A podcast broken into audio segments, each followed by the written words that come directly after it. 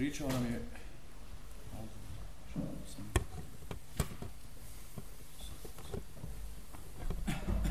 Ispričao nam je Muhammed ibn Bešar kaže nama je ispričao Jahja ibn Sejd el Katan prenijevši od Sulejmana et Tejmija on od Bekra ibn Abdullaha el Muzenija a on od Hasana on od ibn Mugire ibn Šubea a on od svoga oca koji je kazao vjerovjesnik sallallahu alejhi ve sellem uzeo je abdest i učinio i učinio mesk mestvama i turbanu. Što sad stoji fusno otačno čitati. Znači još jednom uh, vjerovjesnik sallallahu alejhi ve sellem uzeo je abdest i učinio mesk po mestvama i turbanu. Bekr kaže ja sam ovo čuo od Ibn Mugire. Tirmizija veli Muhammed ibn Bešar je u ovom hadisu na drugom mjestu spomenuo da je učinio mesk po prednjem dijelu glave i po turbanu. Ovaj hadis je na više načina prenesen od Mugire ibn Šubea.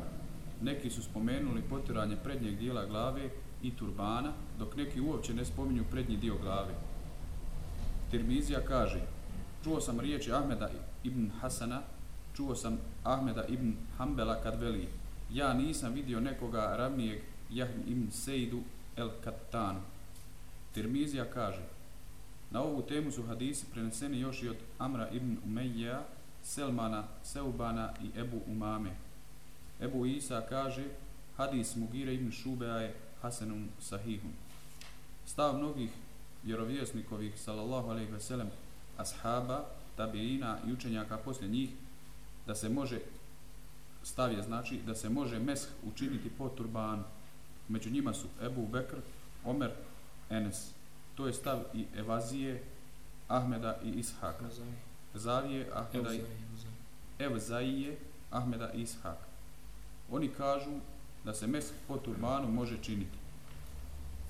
Neki učeni vjerovjesnikovi, sallallahu alaihi ve sellem, ashabi, tabiini i učenjaci poslije njih opet smatraju da se mesk po turbanu ne može učiniti osim da se uporedo sa meskom po turbanu potare i prednji dio glave. Ovako misle Sufjan es Seuri, Malik ibn Enes ibn Mubarek i Šafija. Ebu Isa kaže, čuo sam Džaruda ibn Muaza kad kaže, čuo sam Vekija ibn Džerraha kada veli, prema hadisu mesh po turbanu je sasvim dovoljan. Ispričao nam je Hennad, kaže, nama je ispričao Alija ibn Mushir, on je prenio od Ameša, on od Hakema, on od, on od Abdurrahmana ibn Ebu Lejle, on od Kaaba ibn Uđerea, a on od Bilala, da je vjerovjesnik sallallahu alaihi ve sellem činio mesh po obući i pokrivaču u zagradi koji je nosio na glavi. Ispričao nam je Kutejbe ibn Sejd, kaže, nama je ispričao Bišr ibn Mufeddal, on je prenio od Abdurrahmana ibn Ishaka, a on je od a on je El Kurej, Kurejši, El Kureši, on od Ebu Ubejdea ibn Muhammeda ibn Amara ibn Jasira, koji je rekao. Upitao sam Džabira ibn Abdullaha o mesu pod mestvama, pa je rekao, to je sunnet, sine moga brata, u zagradi po vjeri. A upitao sam ga o mesu po turbanu, pa je rekao, potari kosu vodom. أعوذ بالله من الشيطان الرجيم بسم الله الرحمن الرحيم الحمد لله رب العالمين والصلاة والسلام على رسول الله وعلى آله وصحبه وسلم تسلم كثيرا أما بعد kao što ste čuli imam i tirmidi sasvim na jedan logičan način slijedeći misli i tematiku od kojoj je počeo razgovarati i govoriti po pitanju mesha po mestvama spomenuo je propis kada je u pitanju potiranje glave odnosno uzimanje mesha po turbanu, odnosno amami. Amama, draga braćo, imate tri vrste, ili govorit ćemo turban. Turban imate tri vrste. Dvije su turban muslimana, a treća je turban nevjernika. Turban u vremenu poslanika, sallallahu alaihi wa sallam, kod muslimana je bio turban koji se je znači namotao i tako stavio na glavu s tim da je jedan dio, pazite, onaj turbana išao i vezao se ispod onaj vrata. Ispod vrata. Oto da jedan dio islamskih učenjaka je uslovio da onaj ko hoće da učini mes po turbanu, pazite, da ne skida znači turban sa glavi prilikom uzimanja abdesta, uslovio je da bude to amame muhanneka, što podrazumijeva da bude svezana amama ispod, šta? Ispod vrata. I to je jedna vrsta amame koja je, kažem, bila u vremenu ashaba i u vremenu poslanika sallallahu alaihi wa sallam.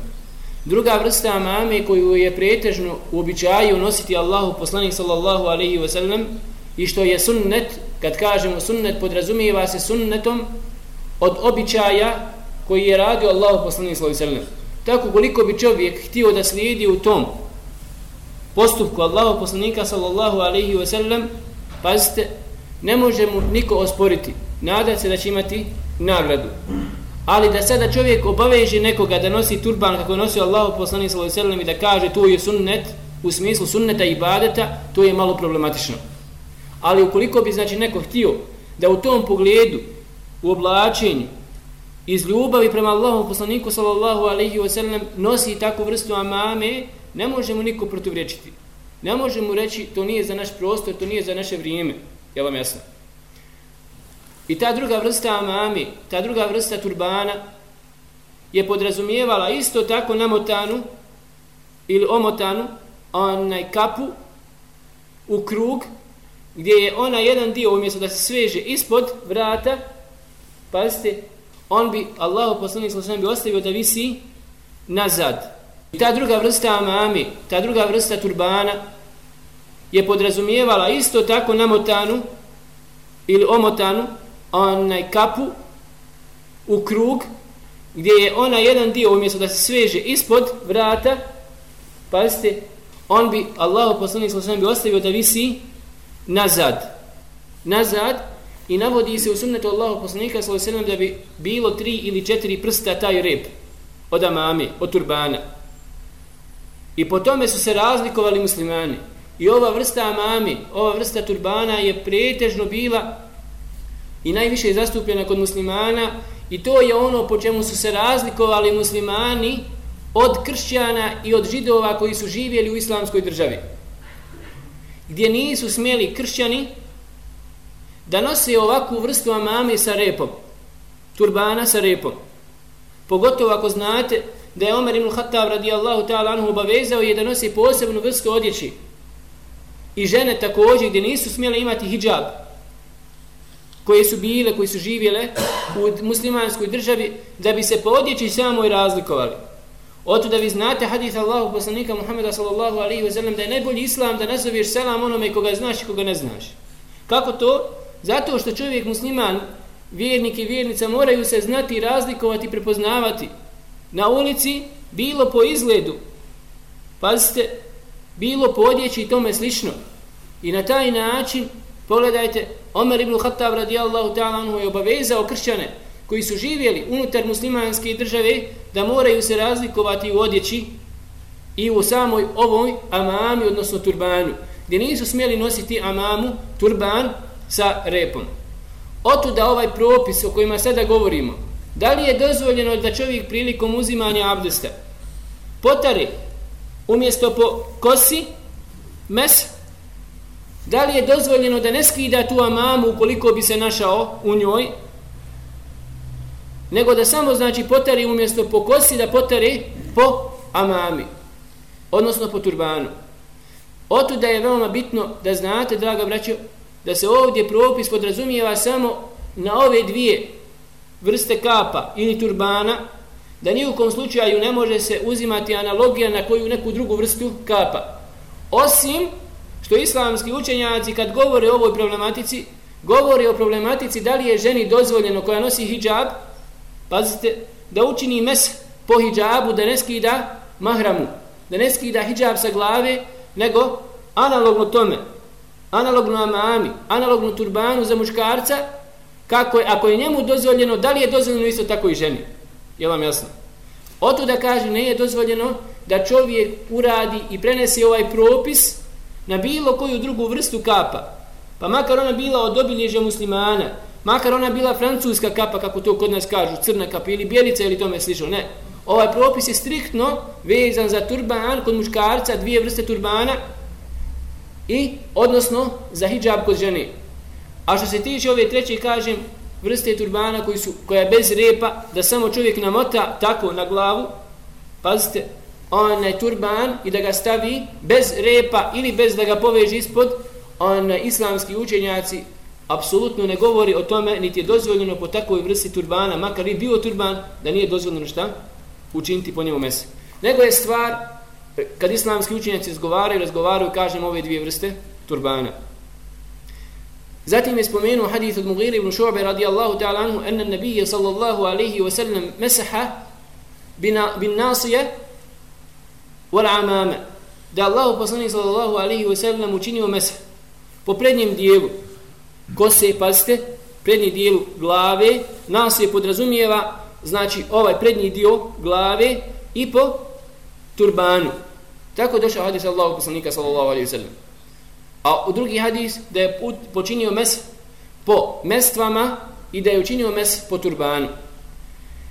S obzirom da je ovaj hadis Allahu poslanika sallallahu alejhi ve sellem došao na ovakav jedan način, pazite, da je potrebao Allahu poslanik sallallahu po dijelu kose, po dijelu glave, prednjem dijelu glave i po amami, oto da je jedan dio islamskih učenjaka rekao da nije dozvoljeno da čovjek učini mes po turbanu, osim da zahvati jedan dio glave, striktno samo onako kako je došlo sunet Allahog poslanika sallallahu alejhi ve sellem. Razumijete li? Dok drugi dio islamskih učenjaka kaže da apsolutno ovdje nije dozvoljeno nikako učiniti mes po amami, nego je Allah poslanik sallallahu alihi wa sallam počinio, učinio mes po dijelu glave i vi znate da je Ebu Hanife šta? Uslovljava na osnovu ovog haditha Allahu poslanika sallallahu alihi wa sallam da je obaveza najmanji da čovjek potari prilikom uzimanja abdesta onoliko koliko onaj je pot, koliko može stati četiri prsta količini glavi, veličini glavi, šta? Četiri prsta, baš zbog ovog dijela hadisa da je potrao pod podrednim dijelu, po prednjem dijelu glavi što podrazumijeva četiri prsta. Razumijete?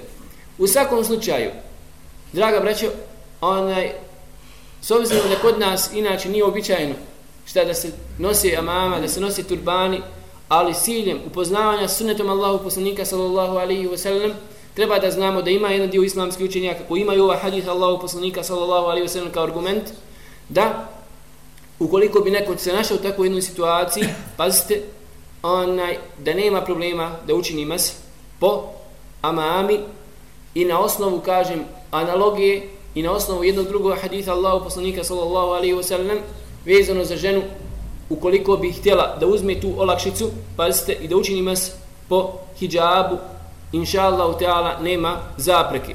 S tim, draga braćo, da čovjek treba voditi računa da islamski učenjaci, jedan dio islamskih učenjaka, koji dozvoljava da čovjek učini mes po turbanu ili žena po hijabu, uslovljava isto ono što uslovljava po pitanju mesha po mestvama. Što podrazumijeva, što podrazumijeva da je žena stavila hijab, šta? Na abdest glavu, odnosno nakon uzimanja abdesta. Isto kao što je uz, čovjek obukao mestve na abdest noge. Dok drugi dio islamskih učenjaka pravi analogiju hijaba ili turbana, i ovaj propis to važi za turban, kod jednog dijela islamskih učenjaka, dok drugi dio islamskih učenjaka pravi analogiju na mes po zavoju.